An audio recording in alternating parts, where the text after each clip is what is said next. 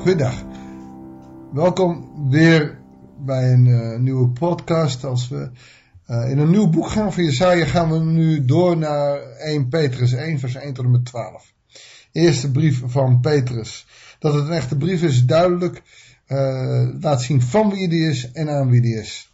Van Petrus, apostel van Jezus, aan de uitverkorenen die als vreemdelingen verspreid in Pontius, Galatië, Cappadocia, Azië, Bithynië verblijven. En ook nog eens door wie hij geschreven is, oftewel geïnspireerd door God de Vader, voorbestemd, dat is Petrus, geheiligd door de geest, gehoorzaam te zijn aan Jezus Christus en met zijn bloed besprenkeld te worden. Genade zij u en vrede in overvloed. Zo begin je nog eens een brief.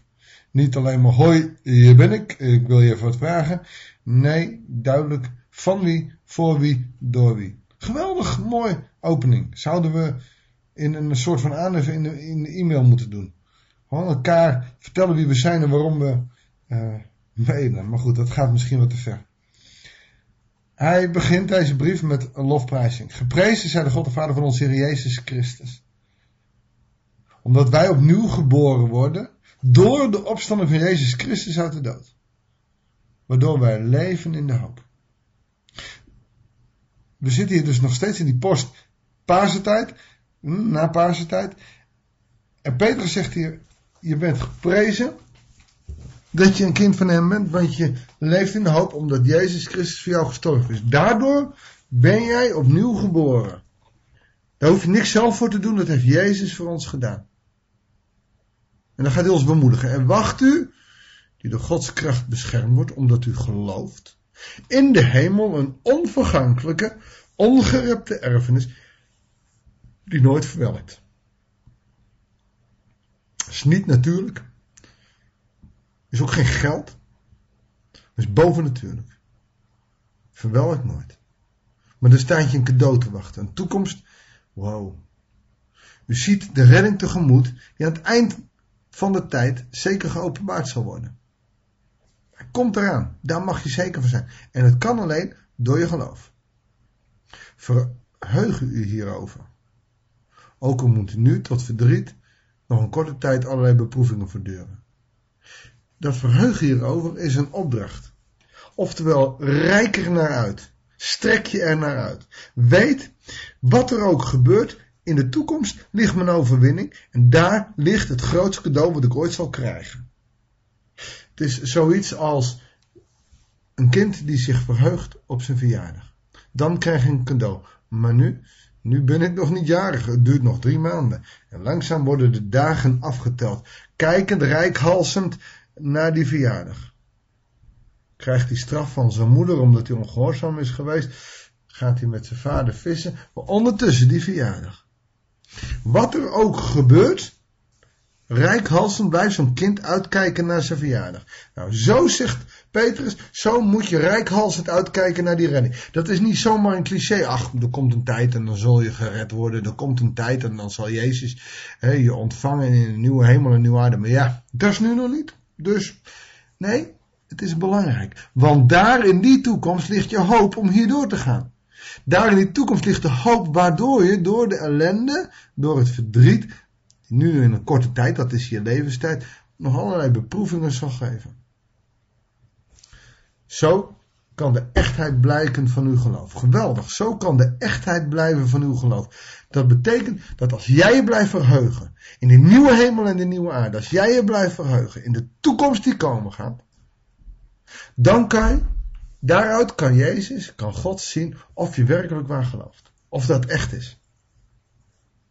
Als je dus leeft, ja, ik geloof wel aan God, maar ja, weet je, die hemel en die toekomst, ja, ik weet het niet. Vergeet het maar, dat is niet echt. Als jij gelooft, en dit is wederom weer dat hele radicale, dan zeg je maar mijn toekomst ligt in het hemels koninkrijk. Niet als cliché, niet als dooddoener van nou ja, dan hoef ik nu niet zoveel te doen. Nee, dat heeft wel degelijk consequenties. Maar de brief van 1 Petrus zal ik nog wel uh, verder gaan. En dan gaan we wel meer in tegenkomen. Maar nu zegt hij, dat is je hoop, dat is je toekomst. En, en door je daarin te verheugen, vanuit je geloof, kan de echtheid blijken van je geloof.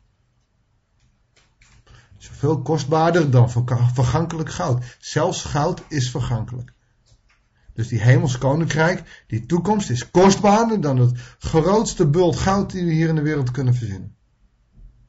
Want goud wordt toch ook in het vuur getoetst. En zo verwerft u lof, eer en roem. Wanneer Jezus Christus zich zal openbaren. Ik kan me voorstellen dat mensen zeggen, ja, maar ik weet het niet. Ik heb zoveel verkeerde dingen gedaan. Op mijn plaats zeg ik dat ook. Ik weet het niet. God, ben ik wel waardig genoeg? je kan een mooi preken, je kan een mooi podcastje maken, maar ondertussen moet jouw levenswandel er ook naar zijn. Maar mijn verlangen naar die toekomst, naar de nieuwe hemel en de nieuwe aarde is groot. En mijn getuigenis is wel Jezus Christus is Heer. En dan zullen de zonden maar aangerekend worden. Maar gereinigd door het bloed van Christus. Mag ik zeker zijn in die toekomst. Dan bemoedigt u ons ook nog. Niet alleen de, de mensen uit uh, Pontius, uh, Pontus, Galatië, Cappadocië, Azië en Bithynië. Nee, ook uit Barneveld, Bunschoten, Amersfoort, Amsterdam, Nederland of waar dan ook. U hebt hem lief zonder hem ooit gezien te hebben. En zonder hem nu te zien, gelooft u in hem en ervaart u een onuitsprekelijke hemelse vreugde. Eigenlijk is geloven en de vreugde die we er vinden niet uit te spreken. Je kunt dat niet beschrijven. Ja, ik, ik hou van God. Ik ben. Ja, maar je kunt het niet beschrijven. Mensen kunnen het niet. Alleen gelijkgestemden kunnen het snappen. Anderen niet. Omdat u het einddoel van uw geloof bereikt, uw redding. Wat die redding inhoudt, trachten de profeten te achterhalen toen ze profeteerden over de genade die u te deel zou vallen. En, en dat reikt terug naar die Jesaja, uh, profetieën die we gisteren hadden. Daar profeteerde Jesaja over de redder die zou komen, over de Zoon van God die alle zonden op zich zou nemen. Nou, de profeten probeerden dat te doorgronden. U, dat zijn de uh, gelovigen van die tijd, maar ook wij, hebben mogen meemaken dat is gebeurd. Zij probeerden vast te stellen welke tijd en welke omstandigheden Christus geest, die in hem werkzaam was, doelde toen deze hun zei dat de Christus zou lijden en daarna in Gods luister zou delen. Er werd hun geopenbaard dat deze boodschap niet voor henzelf bestemd was, maar voor u. En dus ook voor ons. En nu is deze boodschap u verkondigd door hen die u het evangelie hebben gebracht, oftewel door de uh, discipelen die uh, erbij waren. Gedreven door de Heilige Geest, Pinkstergeest, die vanuit de hemel werd gezonden. Het zijn geheimen waarin zelfs engelen graag zouden doordringen. Oftewel, wij zijn begenadigder dan de engelen. Zij zijn de boodschappers, maar wij zijn de ontvangers. En wij hebben de boodschap van Pasen ontvangen. De lof, de eer en de lofprijzing is voor ons. Want wij zijn gered door God. Daar aan het kruis op Golgotha. Die afschuwelijke dood was voor ons. Voor onze redding. Dat is de bemoedigende boodschap voor vandaag. Het was voor ons. Ook al hebben we hem niet gezien, ook al zien we hem nu niet, we mogen erin geloven. En als wij blijven kijken dat door de genade van het kruis wij toekomst hebben in een nieuwe hemel, een nieuwe aarde, is dat de zekerheid die je vandaag mag hebben. En dat is de hoop die uh, Petrus hier bedoelt. Die hoop die in ons is, is die zekerheid van het geloof. Leuker kan ik het niet maken. Makkelijker ook niet. Maar mooier, mooi kan ik het ook niet maken. Want dat is, dat is echt gaaf. Om nu al te kunnen en mogen getuigen. Heere God, we willen getuigen van uw grote naam. U bent een geweldige God. Dank u wel dat u onze God bent. Dank u wel dat u onze heiland bent. Dank u wel dat u voor ons gestorven bent. Dank u wel dat door de hemelvaart, dat u van ons wegging, u voor ons de mogelijkheid hebt gecreëerd om straks in de nieuwe hemel en de nieuwe aarde te kunnen functioneren. We prijzen en loven uw grote naam. Dank u wel voor de hoop die in ons is op die toekomst. Dat die zekerheid er is voor ons. Ook al is het nu nog een moeilijke tijd. Heere God, daar kijken we naar uit. Laat dat ook in ons hart vandaag het getuigenis zijn aan de mensen om ons heen. Dat bidden we u en danken we u in Jezus' naam. Amen. Dankjewel voor het luisteren.